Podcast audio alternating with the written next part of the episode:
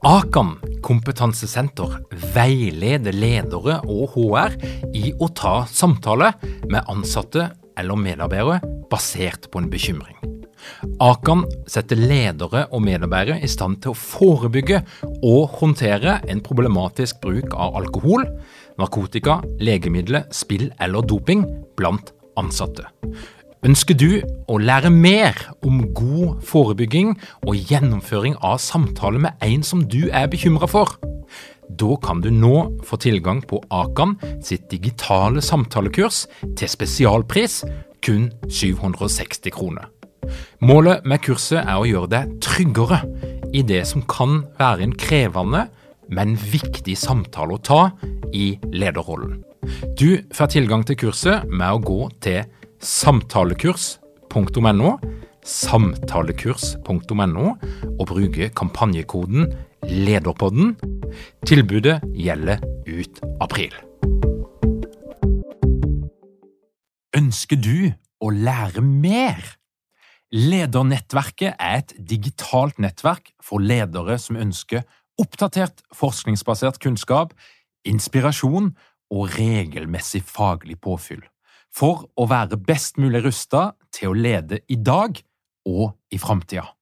Som medlem får du hver måned møte en ny ekspert innen psykologi og ledelse i våre interaktive workshops. Du får mulighet til å lære av andres erfaringer og dele dine egne. I vår digitale nettverksplattform får du eksklusiv tilgang på Lederpodden live, aktuelle videokurs, webinarer og faglige diskusjoner. Les mer og meld deg inn på ledernettverket.no.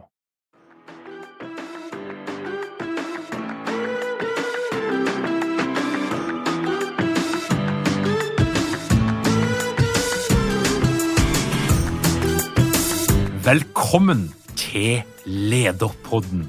Mitt navn er Tor Åge Eikerapen. Jeg jobber som organisasjonspsykolog, og dette her en podkast om ledelse.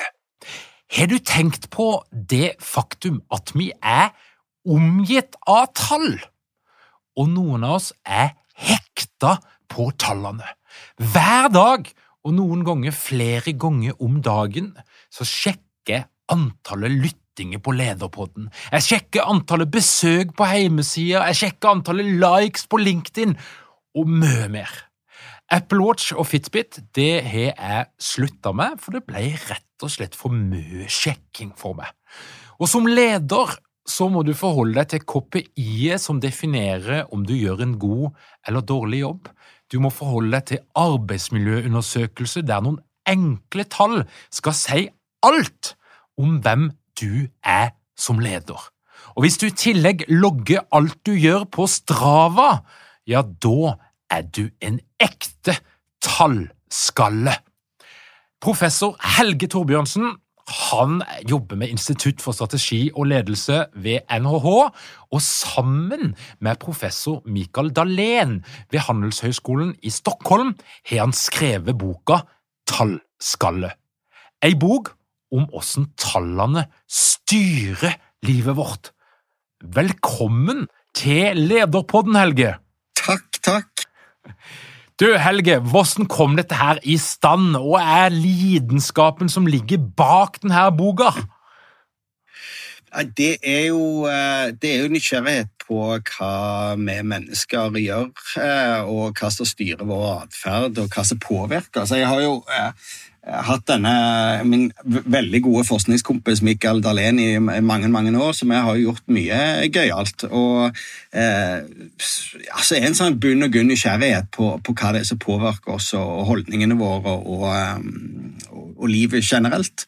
Og det er klart at eh, tallene er jo viktige, og vi ble først oppmerksom på det for noen år siden, sant? når tallene var overalt, hele veien, eh, hos alle. Eh, så på en måte den grunnleggende nysgjerrigheten for menneskelig atferd er det som ligger bak boka. Og så, så På den tida var vi òg litt opptatt av hva penger gjør med oss. Og penger er jo et tall. Eh, så det er jo mye gøyal forskning rundt penger. Sant? At uh, bare du tar på penger eller begynner å telle penger eller ser på penger, så, så gjør det noe med tankesettet vårt. Sant? Vi blir litt mer selvfokuserte, litt mindre tilbøyelige til å hjelpe andre, litt mer selvforsynte, som det kalles. Uh, og, og, så tenkte vi kanskje disse her effektene òg gjelder andre tall, ikke bare penger, men andre tall vi omgås i, i livene våre, som er ja, det er jo alt fra det som du nevnte, likes og KPI og KTI-målinger på jobben og altså disse smarttelefonene er jo med oss hele døgnet etter hvert. Sant? og De er med oss eh, på soverommet, på ferie og til fastlegen og eh, overalt. og Alt fra disse sosiale medietallene til helsetallene til de finansielle tallene. De blir vi jo fora med hele veien. og Så begynte vi å lure på hva gjør dette eh, med oss. Og Så forska vi, og så gjorde vi en haug med studier istedenfor å skrive masse sånn nerdeartikler som vi pleier å gjøre. Så, så var det så gøyalt at da skrev vi heller en bok. Og Helge, det, det, er jo blitt sånn nå at vi kan ikke gå ut av et offentlig toalett uten at vi blir bedt om å rate opplevelsen. Yes. Enten i form av et tall eller en smile eller hva det måtte være. Og, og de her tallene de er, de, er, de er overalt. Det er et helsikes mas om rating på alt mulig rart. Men, men, men åssen endte vi opp her? For det har jo ikke vært sånn alltid. Nei, Nei altså jeg tror mennesker har vært fascinert og opptatt av tall helt siden vi begynte å telle. og Vi begynte å telle for 40 000 år siden. Sant? Med de første tellepinnene avslører hva tid vi begynte med, med, dette. Og så har jo tallene vært utrolig viktige for oss. Sant? Vi har klart å eh, samle inn skatter, vi har klart å begynne å handle med hverandre, vi har begynt å lage nøyaktig kart. og på en måte Tallene er jo bak alle store oppfinnelser, alt fra månelandingen til smarttelefonen. Så det er jo ekstremt viktig. Og så er det jo et eller annet med at vi føler at disse tallene er veldig sanne og riktige og eh, på en måte litt sånn uangripelige. Eh, så jeg tror det er en sånn kombinasjon er jo at mennesker alltid har vært opptatt av, uh, av tall. Og så er det jo det som eh, på en måte gjør at denne, vi har fått en talleksplosjon de siste 10-15 årene, det er jo teknologi. sant? Så Ved hjelp av sensorer, ved hjelp av nye dataprosessorer, ved hjelp av eh, veldig mange på en måte teknologiske egenskaper, så produserer vi jo tall nå i mye større, i mye større grad enn menneskeheten noensinne har gjort. sant? Så bare i dag, eh, jeg vet ikke, i dag er det 5. 5. april 2022, så eh, så produserer mennesket et mer tall bare dagen i dag enn vi gjorde fra tidenes morgen til 2010. Sant? Eh, og det er jo disse tallene da, som du blir fora med på jobb, som du blir fora med hjemme. og Det er alt fra bonuspoengene dine hos SAS til antall skritt før lunsj, til søvnkvaliteten din, til hvor mange som likte den siste ferien din eller siste restaurantbesøket ditt. Alt dette her eh, blir vi fora med. Eh, og, og, det er jo på en måte den dødelige krysset, da, eller kombinasjonen av menneskets fascinasjon for tall og, eh, og teknologien som har gjort at vi har det på maten hele døgnet. Hva er det som er dine favorittall i livet? Jeg vet ikke om jeg har noen favoritt tall, men jeg har jo mye tall rundt meg. Altså, Jeg er jo forsker, så jeg lever jo med tall hele Men jeg er veldig glad i tall, så noen eh, liksom beskylder meg litt nå for å liksom, henge ut tallene eller ikke være venn med de lenger. Det, det er jo eh, virkelig, men, eh, men, jeg har prøvd å gjøre meg mindre avhengig av tall, iallfall sånn eh, i det private. Og de her tallene, da. Det, det, er jo ledere eh, De må jo styre etter tall. Og, og noe av det som er en del borti som organisasjonspsykolog, det er jo arbeidsmiljøundersøkelse, lederscore. Og jeg tenker ofte når jeg ser de her scorene og folk til det på ramme alvor Hvor mye forteller det egentlig?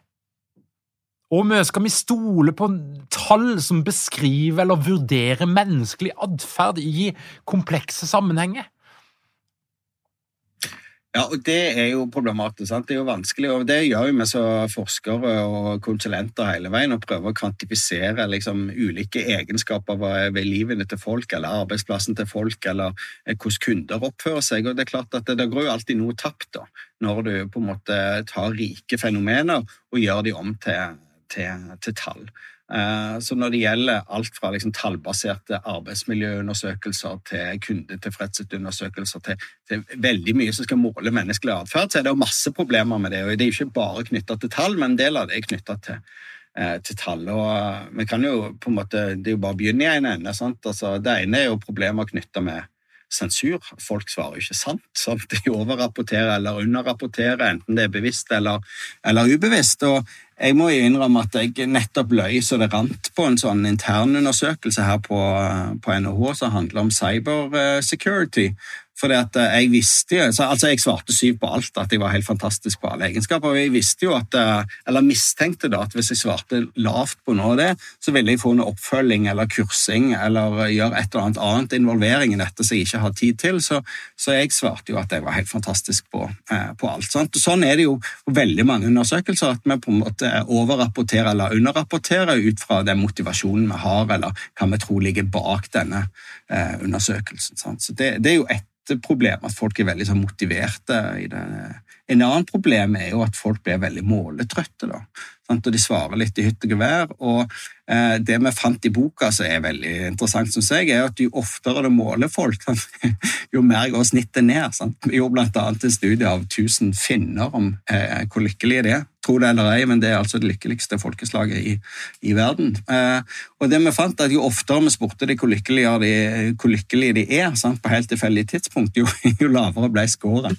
Og Netflix har også gjort en del studier på det som, eh, som, viser at jo oftere du rangerer filmer, jo mer kritisk blir du. blir sånn kritiker eller revisor av ditt eget liv, og gradvis går scoren ned. Sant? Så dette, Snittet går ned på en del av disse målingene pga. Eh, at folk blir mer kritiske. Sant? Det er ikke nødvendigvis reelt. Sant? Så du har problemet at eh, folk blir måletrøtte, og du får feilkilder i, i det du måler. Sant? Og så når du nevner arbeidsmiljøundersøkelser og den type ting, så er det òg et problem at folk ofte føler seg litt sånn overvåka når de blir eh, målt hele veien, og de mister litt følelsen av autonomi i jobben. Sant? Og Det som ofte er viktig i jobben, er jo at eh, folk kan, kan føle at de, eh, at de har liksom mestring og, og autonomi. Sant? Og så er det jo så er det jo et problem at uh, når du skal, sant, som du sa i begynnelsen, at du skal måle veldig komplekse begreper og fenomener, uh, så er det vanskelig. Og så har de disse overordna mål på det, og så får de typisk sånne uh, veldig overordna målinger som ikke sier så veldig mye egentlig i det hele tatt, og ikke endrer seg så mye over tid. Så sitter folk og diskuterer sånn ikke-signifikante forskjeller opp og ned på noen tall som egentlig er helt, helt tilfeldige. Siste, siste, utfordring, eller det er mange, da, men én er jo på en måte at de som sitter i andre enden og tar dette, her, de får jo en illusjon av kontroll, og at de har forstått, forstått medarbeiderne eller forstått arbeidsplassen eller forstått eh, kundene, sant? for de har noe harde tall å forholde seg til.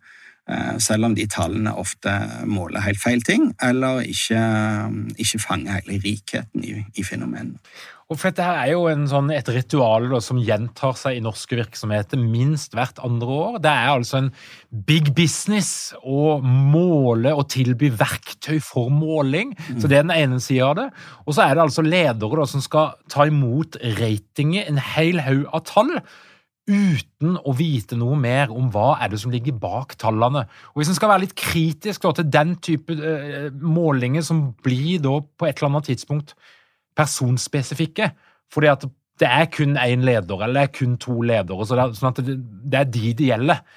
Mm. Hva er problemet med denne type målinger? Hva kan vi tenke oss hvis vi skal liksom problematisere det maksimalt?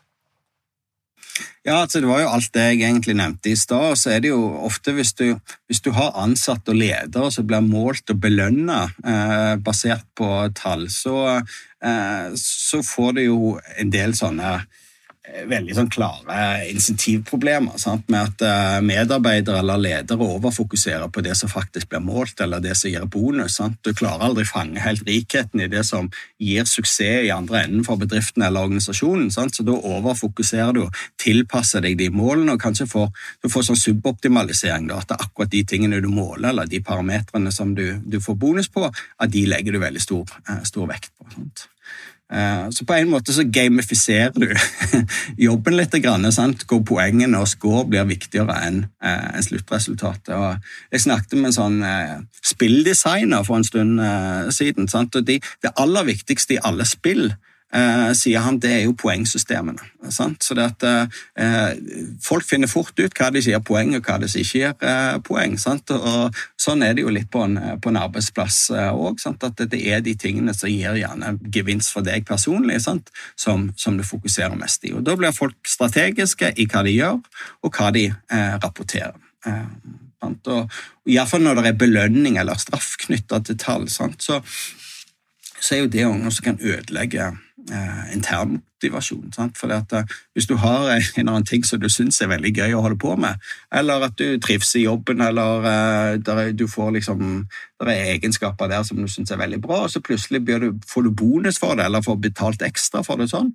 så gradvis så får du sånn skifte fra på en måte den det som var gøy i utgangspunktet, så du har en intern motivasjon for å, for å på en måte fokusere på, eh, til eh, blir en sånn type ytre motivasjon. Det blir litt mer jobb, litt mer ork og litt mer på en måte ytelse. Da. Og da kan jo total motivasjon gå ned over tid. Sant? Og det, det vi òg vet at tall gjør, er at de, de øker på en måte altså når du tallfester noe, så blir det veldig sånn tydelig og numerisk og kvantifisert, og da eh, på en måte får du en konkurransearena knytta til, eh, til, akkurat det området. Sant? Og det er jo noe som kan hindre samarbeid og øke intern eh, rivalisering.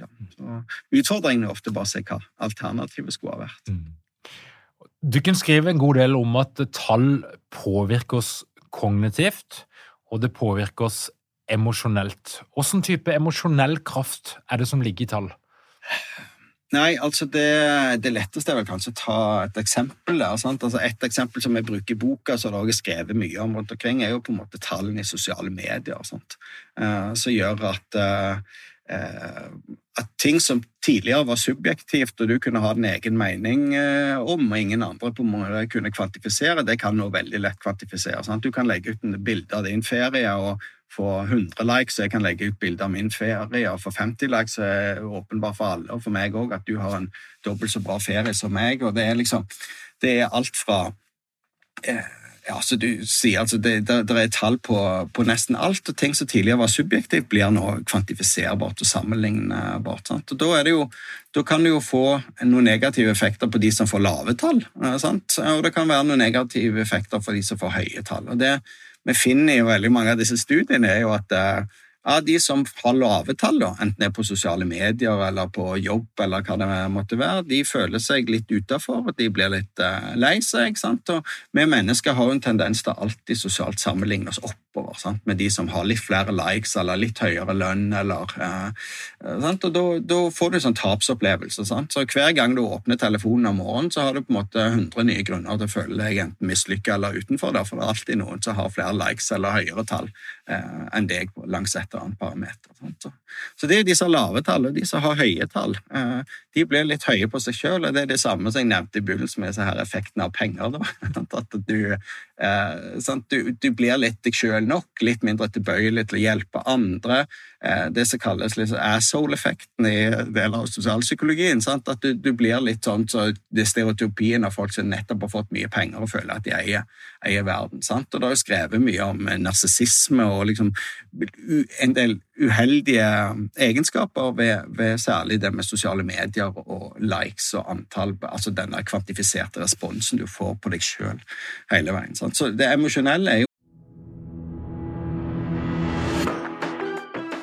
jo dykken mange ledere uten trening eller utdannelse innen ledelse?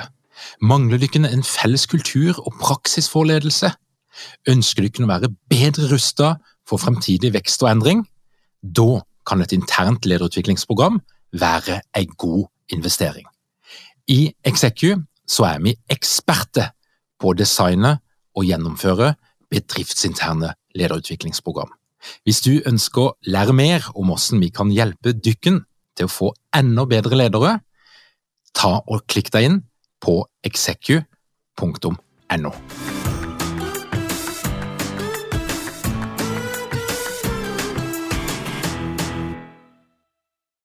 med oss eh, eh, hele veien. Eh, og det, det, er liksom, det, er jo særlig sosiale settinger. og Når sosiale settinger er også blitt kvantifisert, så, så gjør jo det at vi har ja, det er enda mer grunner til å på en måte bli stressa eller føle seg utenfor eller føle seg bedre enn alle andre.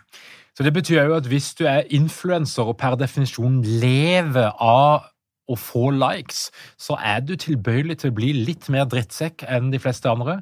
Ja, iallfall hvis du skal tro en del av den forskningen som jeg har, jeg har gjort. Og det er jo litt eh, altså, En ting er at vi har gjort en haug med eksperimenter hvor du ser disse effektene, men vi gjorde òg en stor studie eh, via Norstat, en sånn stor landsrepresentativ studie, hvor vi så på eh, hva er, måte, hva er sammenhengen mellom det å overvåke sine egne tall Eh, og ulike andre på en måte utfall. Så da så vi, tok vi folk i tre grupper. Det var de som overvåkte i stor grad sine sosiale medietall. Sant? Og de som overvåkte i stor grad sine helsetall, altså Fitbiten og liksom, hjerteslag og steg før lunsj. Og så var det de som overvåkte i stor grad sine finansielle finansielle tall, bonuspoeng og aksjer og hva det måtte være. Og Jevnt over så finner vi jo at alle de som måler mer eller overvåker sine tall, de skårer litt høyere på stress. De er litt dårligere til å dele eh, med, eh, med andre. Eh, de som overvåker sine finansielle tall, er i mindre grad tilbøyelige til å være sosiale og har mer lyst til å jobbe enn å være, enn å være sosial. Så det var en del, sånn, en del litt sånn uheldige trekk. Vi kjørte òg en del sånn scenarioer på etisk beslutningstaking. og Stort sett så var det sånn at de som da overvåka tallene sine og ble litt høye på de, eh, de skårte dårligere på etisk beslutningstaking òg. Så, så det er nok det ligger nok noe begravd her som eh, Det er ikke sånn at alle influensere er drittsekker, men de blir nok hvis de er opptatt av tall, så blir de nok enda mer fokusert på seg sjøl og sosial sammenligning. Og Det samme kan jo gjelde for ledere som da er opptatt av Strava, lønn og andre nummer. Ja da.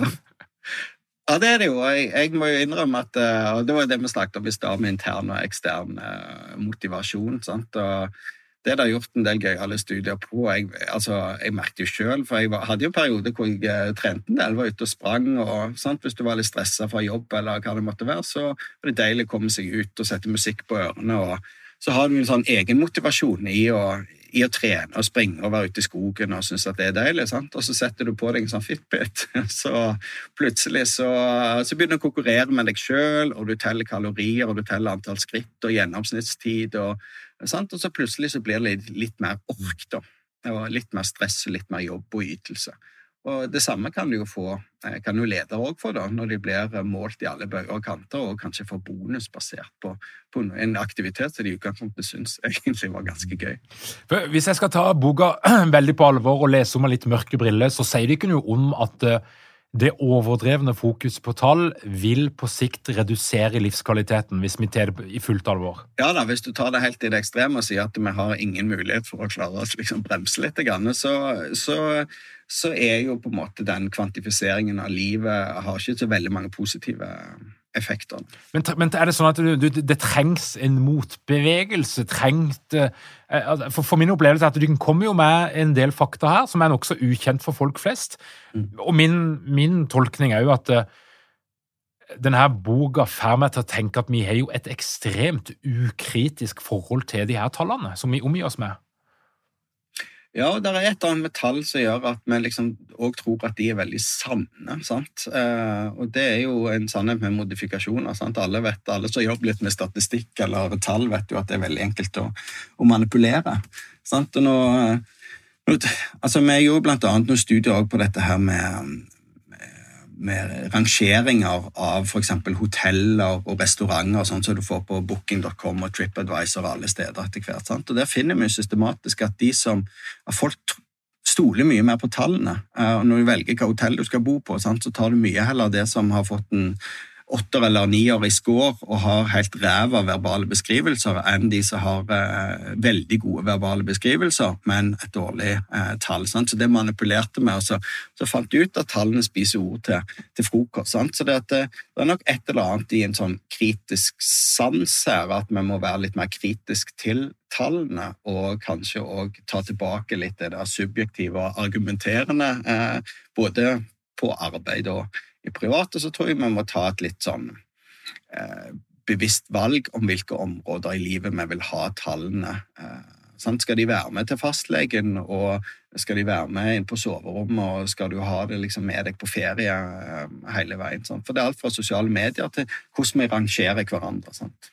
Jeg ble jo rangert på jobb. eh, Alt fra som du sier, sant, eh, nedlastinger og siteringer og studentevalueringer og sånn. Og en del av det kan jo virke veldig motiverende, og at du får læring og at du blir bedre av det. Men en del kan nok være både stressende og liksom og, og, og gjøre at du kanskje blir, får fokuset vekk fra det som er, er, viktig og rik. da. Men, men kan en se for seg at det kommer en slags naturlig motreaksjon, der folk begynner å knuse Apple Watchen sin og, og vende seg vekk fra alle de her rangeringsmotorene? Eh, altså, jeg ser jo noen tendenser til det. Jeg tror jeg så han eh, sjefen i McKinsey i Norge som var veldig tydelig på at han skulle ikke ha noe smartklokke eller noe Strava eller noe som helst. Han skulle ut i skogen for å ha opplevelsen. Kan vi liksom fantasere om at det kommer noe sånn? Ja, Det tror jeg eh, altså Det er klart at det, det, internettet kom for å bli argument, så det, jeg tror nok at eh, tallene er der for å Men jeg tror vi kan være litt mer kritiske til det, og så tror jeg nok at det kommer litt sånn motbører. altså og Det er jo hele denne her bølgen med de store dataene, og at vi sitter med veldig mye data med oss sjøl som vi på en måte kan gi vekk til kommersielle aktører. Sant? Og Der har det begynt å komme litt motbør allerede. sånn at Nå, eh, det var vel eh, Jeg husker ikke om det var Google. Jeg. Det var i hvert fall et av de store selskapene. når de kjøpte, Jeg tror det var Google kjøpte opp Fitbit. Sant? Så ble det stans av konkurransemyndighetene, og det var ganske mange, eh, mange eh, ingeniører som begynte å hive Fitbiten sin, for de sa at eh, A, jeg vil ikke måle meg sjøl så mye, og B, jeg vil ikke gi alle disse dataene eh, dataene vekk. Sant? Så det har jo òg med en sånn stor dataovervåking eh, på en måte storebror deg-bølga som er, som er kobla til, eh, til akkurat dette her. da. Som leder da, så kan en jo velge om en vil lage en eh, kultur som er fylt av tall og måling, eller eh, om en vil gå den andre veien. Hva er, hva er din anbefaling, og kan ledere gjøre for å enten redusere tallfokuset eller få en litt mer menneskelig tilnærming til det hele? Eh, Ja, altså Det er jo en del bedrifter som har gått den veien allerede, med mindre sånn kontinuerlige målinger og pulsmålinger. og sånt, og Det er jo en del store bedrifter som har altså, gått vekk fra budsjetter til og med, så ganske radikalt. sant? For det, Du bruker ekstremt mye tid på noen tall og lager masse langsiktige budsjetter, og så er verden i stor endring. Så når dette budsjettet er ferdig, så er det egentlig utdatert. sant? Så Statoil eller Equinor hadde et stort Beyond Budgeting-prosjekt, og det er veldig mange andre organisasjoner som har gått litt vekk fra det og tenker ok, mer La oss sette og dypforstå kunden, eller la oss jobbe med dynamiske strategier, og la oss på en måte tenke verden som eh, at kanskje ikke tallene kan, eh, kan løse alt. Så én ting er jo på en måte det, de finansielle tallene og budsjettering, og sånt, og det andre er jo hvordan vi på en måte overvåke og motivere medarbeidere. Og der opplever nok jeg òg at det er en litt sånn eh, mer sånn kritisk sans, og at eh, kanskje folk finner ut at det å kontinuerlig måle kundene og, eh, og medarbeiderne gjennom altså pulsmålinger, eller hver eneste gang du har tatt en telefon, så skal liksom, kundesenteret spørre deg hvor, på en skala fra 1 til 7 hvor, eh, hvor villig du er til å anbefale dette produktet til andre. Folk blir jo og en av de på en måte eh, konsekvensene av det er at folk er blitt eller bedrifter blitt klar over at målingen i seg selv påvirker folk. Det kan gjøre folk mer negative, eh, og det kan òg på uintenderte måter påvirke hvordan vi evaluerer noe. Sant? Så hvis du eksempel Jeg har vært på et hotell, da, eh, og så føler du at du har hatt en helt fantastisk opplevelse på det hotellet, og så skal du begynne å rangere det etterpå når du får en sånn der survey i posten eller på mobilen. Og så er jo det noen sånn bestemte egenskaper eller parametere, fra rensligheten på toalettet til kanskje masse ting som du ikke var opptatt av i det hele tatt. sant?